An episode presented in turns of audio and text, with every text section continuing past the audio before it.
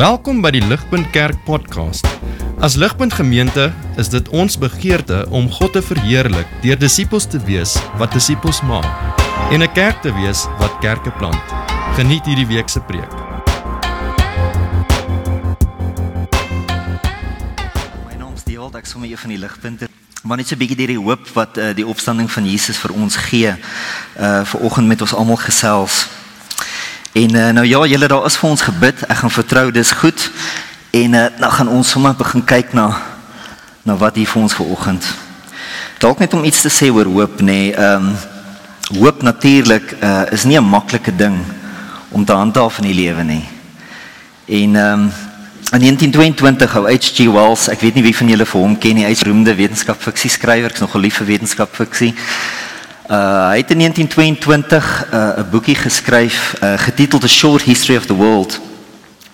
En hierin het hy geskryf uh hy was seker jonk want hoor hy sê as yet we are hardly in the earliest dawn of human greatness. Can we doubt that presently our race will more than realize our boldest imaginations? That it uh, will it unity and peace that the children of our blood and lives will live in a world made more splendid and lovely than any palace or garden that we know, going on from strength to strength in an ever widening adventure and achievement. Nou ja, julle, dit is dis inspirerende woorde, nê? Nee? Maar teen 1939 uh was Wells nie meer so seker nie. Net met die aanvang van die Tweede Wêreldoorlog skryf hy The wanton destruction of homes the ruthless hounding of decent folk into exile, the bombings of open cities, the cold blooded massacres and mutilation of children and the gentle people, the rapes and filthy humiliations, and above all, the return of deliberate and organized torture, mental torment and fear to a world from which such things had seemed well nigh banished has come near to breaking my spirit altogether. En vriende, as ek kan aangaan bietjie 1945. Net voor getiteld Mind at the End of Its Tether. Hierin skryf hy A series of events has forced upon the intelligent observer the realization that the human story has already come to an end. And that Homo sapiens, as he has been pleased to call himself, is played out. He has to give place to some other animal better adapted to face the fate that closes in more and more swiftly on mankind. Uh, nou vriende, ek wil hê ons met hierdie woorde van H.G. Wells, hierdie laaste woorde van hom vergelyk met die woorde van Paulus hierso in 2 Korintiërs 4, ons gedeelte vanoggend vers 8 en 9. Kom ons hoor wat sê Paulus daar. Hy sê en alles word ons verdruk, maar nie oorweldig nie. Ons is verraad verleë maar nie radeloos nie. Ons word vervolg maar nie in die steek gelaat nie. Ons word platgeslaan maar nie vernietig nie. So jy weet waar ons skryf ons toe. Uh lewens wat verdruk, lewens wat vervolg, lewens wat platgeslaan word, het vir H.G. Wells ontneem van alle hoop. Maar nie vir Paulus nie. So waar ons skryf 'n mens hierdie vers Wel H.G. Wells om bietjie ietsie meer van hom te verstaan. Hy was begeester deur die wetenskaplike en deur die tegnologiese vooruitgang wat die 20ste eeu gebring het. Uh in 22 boekie, daai short history of the world skryf hy ook science has brought humanity such powers as he never had before and the scientific method which has given him these uncontrollable powers gives him also the hope of these powers. En dit is ons moderne hoop. Maar natuurlik met die aanvang van die Tweede Wêreldoorlog het H.G. Wells soos miljoene ander mense gesien hoe controlling these power like in die hande van sondige en gebroke mense soos ons. Behalwe daarvoor was hy ook soos vele ander deur die influenza pandemie getuister wat minstens 50 miljoen mense eis het en daarna het die groot depressie van 1929 tot 1939 gekom en daarna het die wêreldoorlog begin. En ehm um, dit alsit om laat besef jy weet dat dit dis nie net die mens nie, julle, dis nie net die mens wat gebroken is. Ons wêreld self wat 'n finale of 'n betroubare hoop is. En uh, vriende hierteenoor wil ek ons bietjie uh, laat hoor wat C.S. Lewis geskryf het. C.S. Lewis sê unless there is a God who has promised to guide history not to an end but to a new beginning to a world in which finally death and evil are completely destroyed and justice and peace reign supreme the sign of which is the resurrection of Jesus so dit is wat C.S. Lewis antwoord op H.G. Wells Nou wat is die verskil hier vriende? Verloos natuurlik is God ons hoop. Sien dis die groot verskil. Verloos is God ons hoop. Anders as H.G. Wells kyk C.S. Lewis na die lewe as 'n Ons sien hier die krag van Christen wees uitkom. Hy lewe as 'n Christen en hy sien hierdie teken wat God gegee het. Die teken wat wys dat God, soos wat Lewis dit stel, promised to guide history not to a new beginning to a world in which finally death and evil are completely destroyed and justice and peace reign supreme.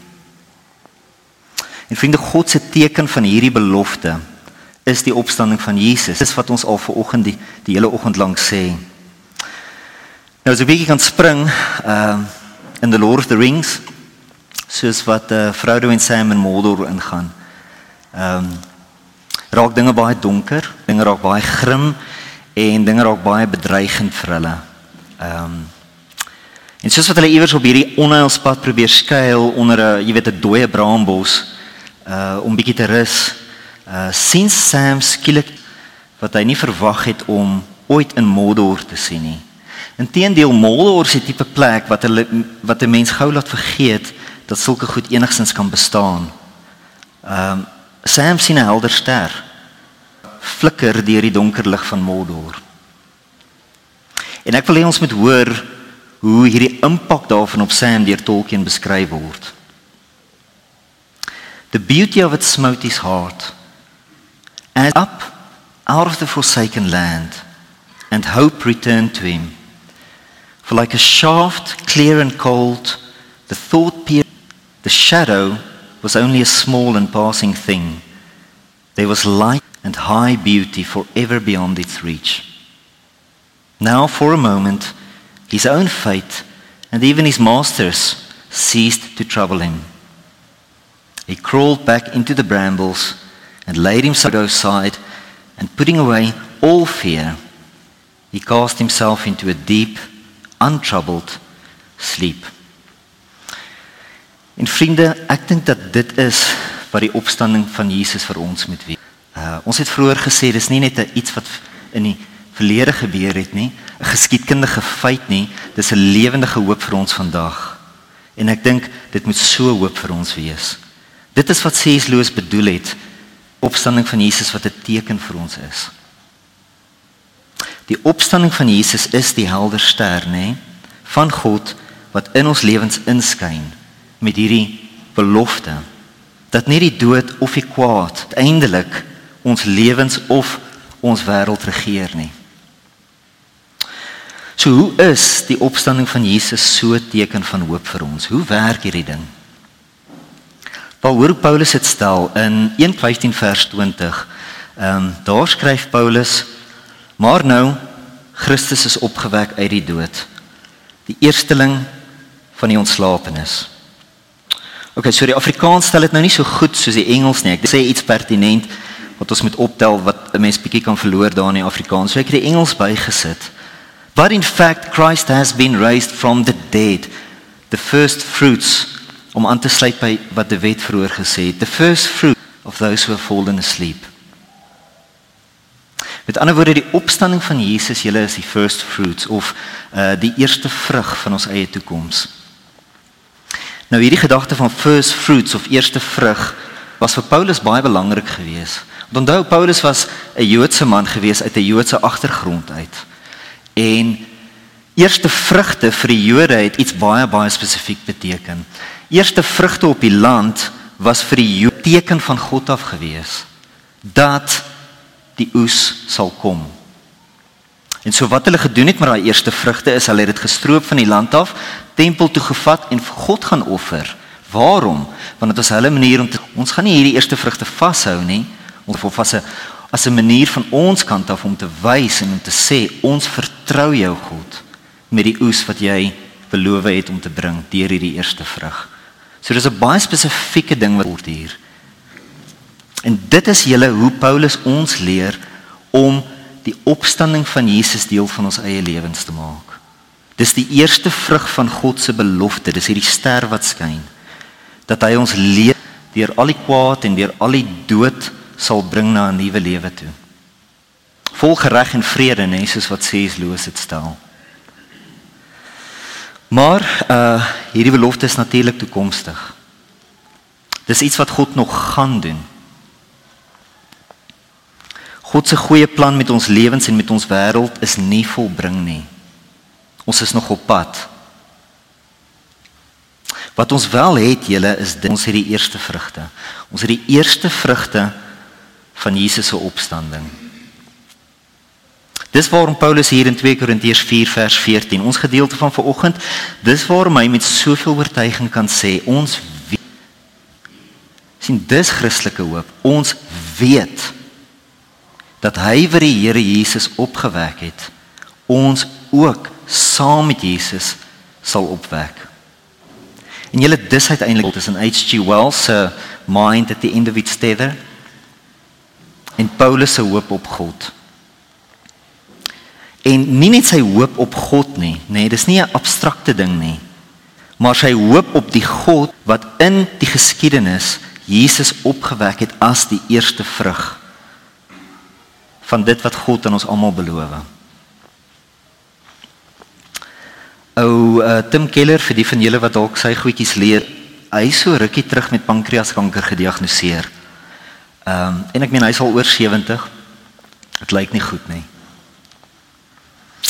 Hy skryf self so 'n bietjie oor hierdie verskil van H.G. Wells se mind at the end of its tether, so hoop, soos hy oor sy eie lewe dink. En hy stel dit so: A person who gets a diagnosis of cancer will rightly put his relative hope in doctors and medical treatment. But his main dependence must be in God. If he puts his heart's main hope in medicine, devastating. Sing, mind at the end of its tether. But if his heart is in the Lord, he will be like a mountain that cannot be shaken or moved. He can have certainty, Paulus sê ons weet. He can have certainty that his inevitable death is resurrection. When the object of hope is not any human agent but God, then hope means confidence, certainty, and full assurance.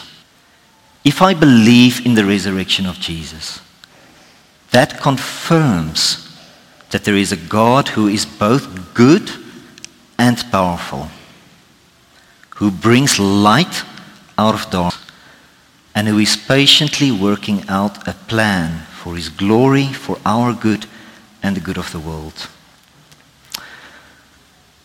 So julle die opstanding van Jesus bring so hoop vir ons, so standvaste hoop. Nou vir my die res van ons tyd uh vanoggend hierdie hoop so bietjie meer vleis gee, as ek dit so kan stel. En ek wil spesifiek oor vier dinge gesels. Ehm um, Eerstens die opstanding van Jesus is 'n redelike hoop. Redelike hoop.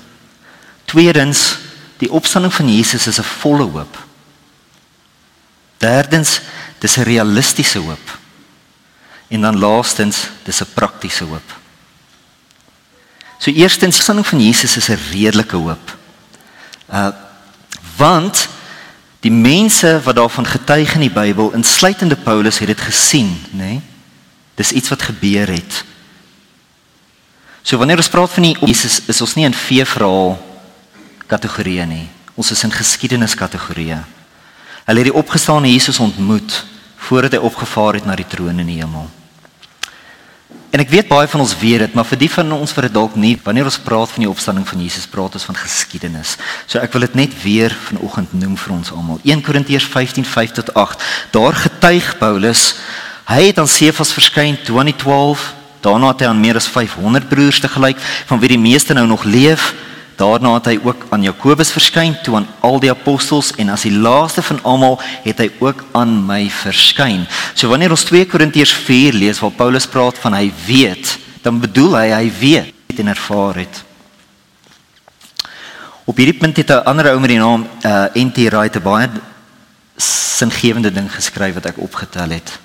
Hy sê various societies believe history's moved more freedom, equality, prosperity, peace and justice. But all of these views are not things that anyone can really taste. They are hope so hopes. The resurrection of Christ, however, includes powerful evidence from eyewitness accounts and the revolutionary overnight change of thousands of people. So vriende, jy's nie 'n dwaas om in die opstanding van Jesus te glo nie. Jy's 'n redelike mens. Inteendeel, jy's onredelik as jy dit nie. So eerstens, julle die opstanding van Jesus is 'n redelike hoop. Tweedens, die opstanding van Jesus is ook 'n volle hoop. Nou soos daar baie stemme in ons samelewing is wat glo, jy weet in konstante voeding en verbetering, uh is daar ook baie stemme agter hulle weer uh wat leer dat ja, goed, al die vooruitgang, al die verbetering, hoe dit ook al sy op die ou end van die dag, alle mense sowel as die aarde self gaan uiteindelik kom. Daar is geen toekoms. Nou as jy nog nie het nie, gaan kyk bietjie in. Dis 'n ou film James Dean se uh Rebel Without a Cause. Uh van julle sal dalk die film onthou. Uh, so in hierdie film sit hy in 'n planetarium saam met sy skoolpelle en uh, hy word deur sterrekundiges gewys hoe die aarde uiteindelik gaan vergaan deur die son wat eendag sal ontplof. So good luck solving that problem. Uh jy weet so ou James Dean stap dan uit en hy begin lewe asof niks meer saak maak nie. Nie sy skoolwerk nie, nie sy lewe nie, nie sy vriendskappe nie, nie enigiemand uh uh jy weet wat gesag oor hom wil uitvertel hoe om sy lewe beter te lewe nie. Hy rebelleer teen alles. Maar wat vertel die storie ons? Selfs sy rebelsheid maak op die einde van die saak dag nie eers saak nie. Dit ook niks. Hy is 'n um, hy's 'n rebel without a cause. En julle anders leer meeste van die godsdienste weer dat daar waarskynlik, jy weet, een of ander bestaan sal wees vir mense. Maar uh, dis 'n spookagtige tipe bestaan.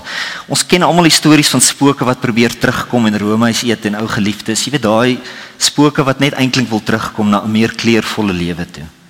Dis 'n tipe bestaan, 'n kleurlose skaduwee van hierdie voller lewe wat ons nou geniet op hierdie voller wêreld van ons.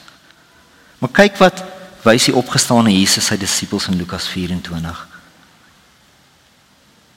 Hy sê kyk na my voete. Dis ek self. Vat aan my. Kyk. 'n Gees en hiermee bedoel hy 'n spook. 'n Gees het nie vleis en bene soos julle sien dat ek het nie. So hierdie mense het gedink Jesus moet 'n spook wees, maar hy nie. So die punt julle is dit nê nee, dat die opstanding van Jesus is 'n volle hoop. Dis 'n volle hoop want dit beloof ons 'n volle nuwe lewe in 'n volle nuwe liggaam wat nie meer vatbaar is vir dood of selfs ehm um, vir die sonde nie. Want hierdie is mos die dinge wat Jesus teen die kruis mee afgereken het op Goeie Vrydag in sy eie dood.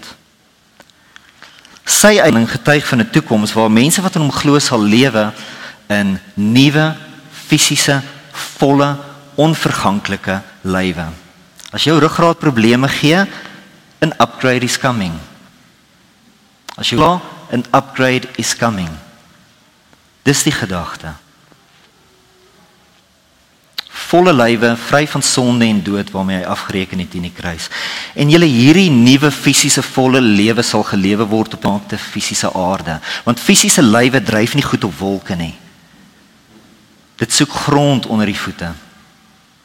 Dit gaan gebeur op 'n nuutgemaakte fisiese aarde wat self vry sal wees van gebrokenheid en sonde. Die Bybel praat geweldig romanties oor die toekoms. wanneer dit probeer beskryf hoe so wêreld sal lyk. En dis wat die skrif bedoel wanneer dit leer dat die aarde vir ewig bly staan. Ja, daar's vure wat kom soos die beraad, maar dis hernuwingsvure. Alles word nuut gemaak. En julle ons weet nie regtig, jy weet, hoe so lewe en so wêreld sal lyk nie. Ons het prentjies daarvan in die Bybel om dit te probeer verduidelik. Maar selfs as jy na die prent Here wat ons nie weet hoe dit lyk nie, is onder dit nog nie bestaan nie. God het dit nog nie gedoen nie. Dis iets wat kom, groot dinge kom nog. So wels is verkeerd, daar is als uitgespeel. Groot dinge kom nog. Ons kan seker 'n bietjie blue sky daaroor en ek dink is goed om bietjie te droom oor die toekoms. Maar wat ons wel weet is dat dit nie iets minder sal wees as hierdie lewe wat ons nou lewe nie, maar eerder iets veel meer iets veel veel meer. So eerstens julle die opstanding van Jesus is 'n redelike hoop. Tweedens is 'n volle hoop. Derdens die opstanding van Jesus is 'n realistiese hoop. Nou H.G. Wells se hoop was op vooruitgang en selfverbetering. Hoe gaan dit daarmee in julle lewens? Elke dag moet beter wees as die vorige. Elke generasie moet beter doen as die vorige. Die wêreld moet beter en beter lyk. En die lewe moet beter en beter word. Net dis die hoop. Maar julle is dit realisties. Is dit hoe dit in jou lewe gaan? Geen wonder H.G. Wells het in 45 gemind at the end of its tether geskryf net voor hy gesterf het nie. Want dit is nie realisties nie. Dis naïef. Ons lewens in ons wêreld verbeter in sekere opsigte, maar dit ook weer in ander opsigte. En soms is die dinge wat jy dink beter word eintlik iets wat slegter word. Jy's dalk 'n beter ouer vir jou kinders as jy dink jou ouers vir jou was. Maar dan kom jy mettertyd agter jy maak baie van die foute. En nog ander nuwe foute ook. En jy weet nie eens wat die uitkoms daarvan gaan wees nie. Jy reken met een sondeprobleem in jou lewe en dan kom jy agter dit was eintlik maar net 'n simpel groter sondeprobleem in jou lewe. Jy lewe so gesond soos wat jy kan, maar dan steek een of ander genetiese siekte sy kop uit in jou lewe. Jy bou 'n suksesvolle besigheid, COVID-19 verbrokkel jou sukses. Vriende, dis waarom ons vroeër genoem het dat hoop nie maklik is om te handhaaf in die lewe nie. Nie as dit afhang van hierdie konstante vooruitgang en verbetering wat ons lewens moet toon nie. Hoop moet realisties wees oor die gebrokenheid van die lewe. En dit is presies so hoop wat die opstanding van van Jesus vir ons bied. Want dit reken en dit werk en dit vat gebrokenheid van ons lewens en dit is nie bang daarvoor nie. Hoe stel Paulus dit hier in eh, vers 10? Hy sê die sterwe van Jesus dra ons altyd, hoor ons dit altyd wat ons op hierdie aarde leef en hierdie huidige lewe wat ons het, altyd dra ons die sterfte van Jesus, die sterwe van Jesus in ons liggaam met ons saam. Sodat ook die lewe van Jesus in ons liggaam sigbaar kan word. So hier's twee goed aan die gang, 'n hoop wat ons vernuwe, maar ook 'n realiteit van gebrokenheid wat heeltyd met ons is. Dis 'n spanning, nê? Nee? Vriende wat hier staan is dit, God werk met ons lewe presies soos wat hy se lewe gewerk het. So dink bietjie oor Jesus se lewe. Hoe het God met Jesus se lewe gewerk? Was nie 'n pad van konstante vooruitgang en verbetering nie. Dis verseker. Jesus is gebore in 'n dierstal met uh, ouers wat misplaas was deur 'n imperialistiese ryk wat hulle land kom oorvat het. Nie baie vooruitgang vir sy ouers nie. Dink ons dit is hoe hulle hulle kind in die lewe wou bring in een of ander refugee toestand. Daarvandaan het dinge wel verbeter. OK, Jesus het groot geword, sy ouers het goed vir hom gesorg en hy het 'n publieke bediening op die been gekry wat dorpe en stede getrek het. Maar toe kom 'n spul magspelers op die toneel en hulle sien 'n bedreiging, 'n nasionale bedreiging in Jesus se bediening en hulle sweep as waarom trend al Jesus se volgelinge teen hom op sodat op die ou end van die dag die hele wêreld omtrent geskree het kruisig hom kruisig hom. En vir wat? Wat het hy verkeerd gedoen? En daar gesterf teen die kruis wat bedoel was vir moordenaar met die naam Bar is Jesus in 'n graf gegooi op 33 met 'n heilende ma wat nie weet hoe sy die groot klip voor die graf weggerol gaan kry. Sodat sy haar jy weet die gebreekte lyf van haar dooie kind met olie en met kruiane kan salf nie. Dis Jesus se lewe. So julle is dit hoe God met Jesus se lewe gewerk het? Deels ja. Maar om te verstaan hoe God nie met Jesus se werk het met ons 'n bietjie verby die graf gaan. sien? Nou julle een van die mooiste dinge wat ek al ooit in die Bybel raak gelees het, was hoe God self daardie groot klip voor Jesus se geheilende ma en vir die ander heilende vroue weggerol het. En haar kind lewendig uitgebring het en hoe daardie kind toe kon raai en vir die hele wêreld wat geskree het kruisig hom kruisig hom kon vertel dat alles wat met hom gebeur het en alles wat hulle met hom gedoen het deur God bewerkstellig was om hulle almal van hulle sondes te red en self die op sy opstanding te gee. Julle dis die voller prentjie van hoe God met Jesus se lewe gewerk het.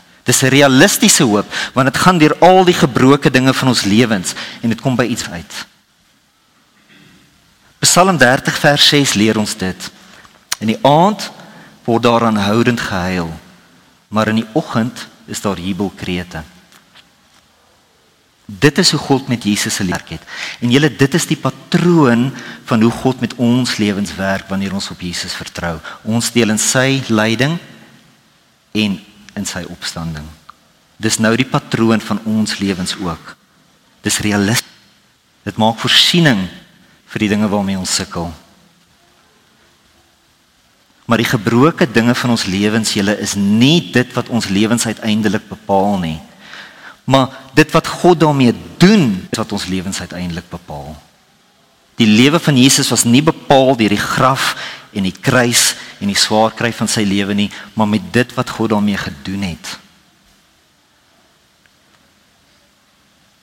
Vriende, wat God daarmee doen is dit. Kategories twee goeters. Hy bring ons deur die gebrokenheid van ons eie lewens na nuwe lewe toe. Guaranteed. Soms moet 'n mens dit vir jouself oor en oor sê tot jy dit wanneer jy dink daar is nie 'n pad vorentoe nie. Maar julle dis meer as net dit. Dis meer as net dit.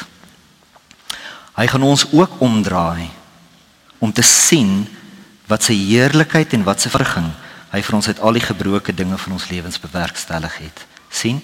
Dit is nie goed nie, maar die goed self lei na iets veel beter toe. Dis wat Paulus bedoel. Kyk vers 17 in 2 Korintiërs. Dis wat Paulus bedoel. Hy skryf want ons ligte en tydelike verdrukking bewerk vir ons 'n gewigtige en alles oortreffende ewige heerlikheid. Als word gebruik deur God in jou lewe om iets wonderliks mee te bou. Dis nie net dat Jesus fisies uit die dood opgestaan het nie, so wonderlik soos wat dit is, julle. Maar dit is ook dat hy verheerlik was en versadig was met die uitkoms van sy swaar kry en van sy dood wat ons van ons sondes gered het en die hoop op die opstanding gegee het. Nou Psalm 30 vers 10. In die Ou Testament kyk profeties vorentoe na die dood van Jesus en dit vra die vraag uit die mond van Jesus self. Hier's die vraag: Watter nut het dit as my bloed gestort word as ek na die grafkuil afgaan? Goeie vraag. God se antwoord in Jesaja 53 vers 11 is dit: Na die swaar kry wat hy beleef het, sal hy sien. En hy sal versadig wees. Want julle deur sy bloed wat gestort is en deur die grafkuil waarna hy afgegaan het, het God ons almal omgee. Ons van ons sondes gered, ons die hoop op die opstanding gegee. Dit is Jesus se heerlikheid. Dit is sy versadiging. Hy's werk nie, maar hy's opgewek as die redder van die wêreld met die heerlikheid en die versorging van alles wat sy swaar kry bewerkstellig het in die hand van God.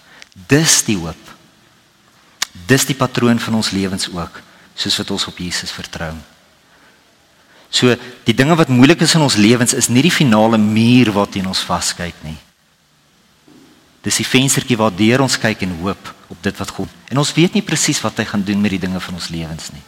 Maar ons het daardie belofte. Sien julle ons vra ook, wat is die nut van al die aanhoudende gebrokenheid in my eie lewe wat ek dink ek reg kry en verbeter en dan kom ek agter dalk versleg. Wat is die nut van dit in my eie lewe? God se antwoord is die belofte dat ons na ons swaar kry sal sien en ook versadig sal wees met die heerlikheid daarvan. Dis waarvan die opstanding van Jesus se teken en 'n eerste vrug. Julle is 'n realistiese hoop want dit werk met die gebroke dinge in ons lewens ook.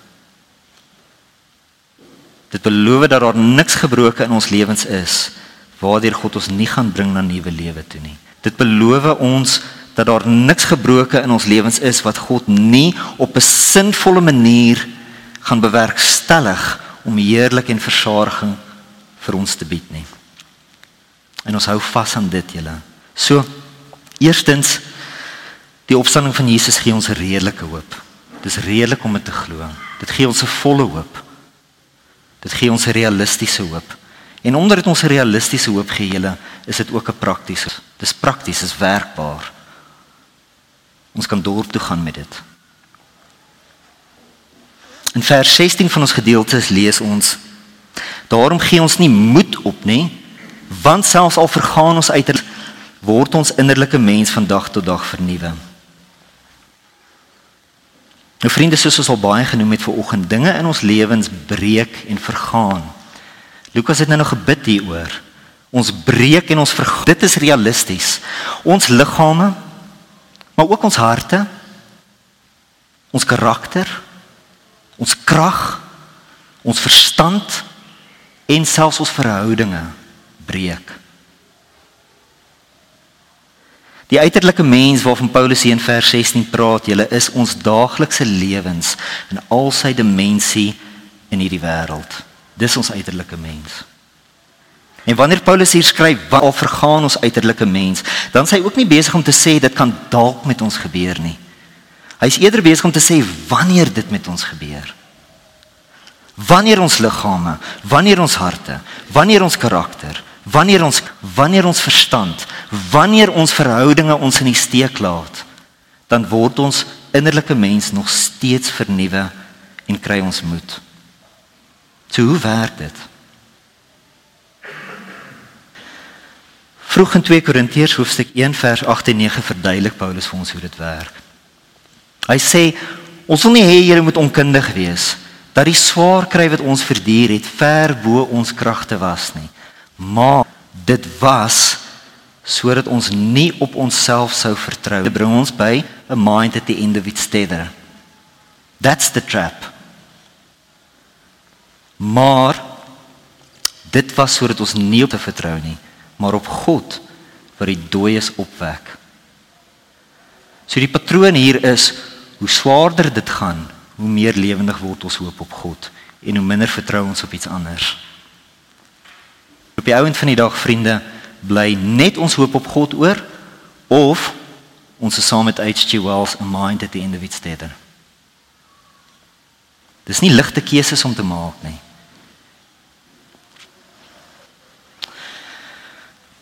So vriende, wanneer alles in jou lewe skree dat jy nie net verdruk is nie, maar oorweldig. Nie net oor raad verleen nie, maar radeloos. Nie net vervolg nie, maar in die steek gelaat. Nie net platgeslaan nie, maar vernietig. Al skree als in jou lewe dit. Dan omdat Jesus opgestaan het, fluister jy terug. Selfs nou vertrou ek op God wat die dooies opwek. Dis die geloofstryd. Dis Christen wees. In sy essensie is dit wat ons geloof is. En vriende, Jesus is nie kruis toe met enigiets meer as dit nie. Hy's nie kruis toe met sy God en sy jetpack nie. Hy's kruis toe met net sy vertroue op God. Dis die sterkste en die swakste ding in hierdie lewe in 'n sekere sin. Vriende, so help ons ehm um, met selfbeheersing. Sodat ons nie elke dag blaam soek en kop verloor oor alles wat met ons gebeur en waartoe ons gaan nie. Dink byvoorbeeld as Jesus elke dag regtelik gesoek het en sy kop verloor het oor alles wat met hom gebeur het. Waar sou ons vanoggend wees? Dat hy nie het nie, maar bly vertrou het op God, was op die ouend nie net goed vir hom nie, maar hom ook. Toe hy rede gehad het om te blameer en te verwyd en sy kop te verloor. Julle so vertroue stel ons ook om staat om te kan troos. Want soos wat God se beloftes troosting vir ons bring, word ons bekwam en raak ons in staat om mense om ons raak te sien wat ons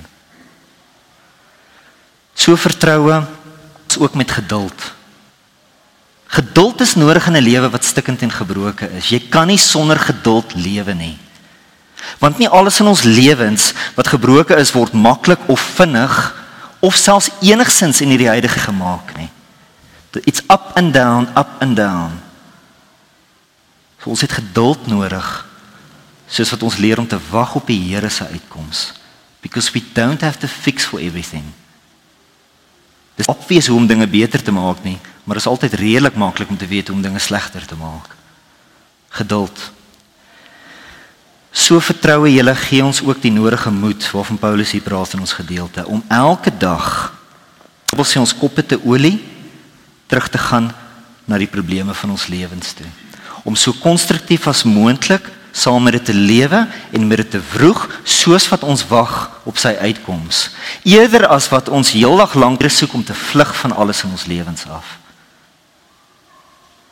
Dis wat hierdie vertroue met ons lewens begin doen en julle die beste nuus in dit als is dit selfs al sukkel jy om op so 'n manier terug te dat jy God vertrou selfs al sukkel jy met alles wat ek nou genoem het die goeie nuus is dit Die God wat die dooie dooies opwek, sal nog steeds getrou bly aan jou. So dit hang nie eintlik van jou af nie. Die beste nuus van dit alles. Julle het so hoop vir die opstanding van Jesus ons gee. En wys my 'n meer praktiese hoop as dit. Wys my 'n meer praktiese hoop as dit. Hier vir die geleentheid, uh om bietjie te gesels oor hierdie dinge. Om af te sluit gaan ons uh, die nagmaal saam gebruik. So die brode agter op die tafels is uh, is 'n herinnering, 'n teken van God af. 'n Herinnering dat Jesus se uh, se liggaam gebreek was. Die uh, die wyn sap vir agter staan is 'n herinnering dat hy sy bloed vir ons gegiet het. En julle Uiteindelik is die nagmaal 'n uh, dood van Jesus ons van die sonde gered het sodat ons die hoop op die opstanding kan geniet. Wanneer ons die brood en die wyn inneem, neem ons die lewe daarvan in. Dis waarom dit 'n maaltyd is. Dis iets wat lewe gee. Sy dood ewe vir ons gee ons die hoop op die opstanding. En julle al is dit soms moeilik om hierdie hoop vir jouself te bly fluister elke dag soos vir die lewe jou verdruk of vervolg of platslaan. As jy vanoggend saam met ons kan glo dat selfs dan trou wees om jou die hoop op die opstanding te gee, dan is jy welkom om saam met ons die nagmaal te geniet. Dit hang nie van ons af en hoe goed ons hiermee doen nie.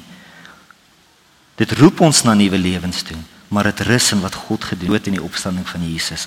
As jy saam met ons vanoggend dit kan glo, wil ons jou nooi na die tafel toe. So soos wat jy gemaklik voel, kan jy soontoe beweeg saam met vriende en familie kan julle eh, die brood en die wyn neem en bid julle self. En God, dankie vir die dood en die opstanding van Jesus. Dalk miskien vir die eerste keer in jou lewe, doen dit innig. Net eenvoudig, dankie Here vir die dood en die opstanding wat my wys hoe die lewe met ons almal is. En vra die Here om jou te versterk in hierdie hoop, want dit maak ons lewens beter om hierdie hoop te kan uitleef. Vir meer inligting oor Ligpunt Kerk, besoek gerus ons webwerf op www.ligpunt.com of kontak ons gerus by info@ligpunt.com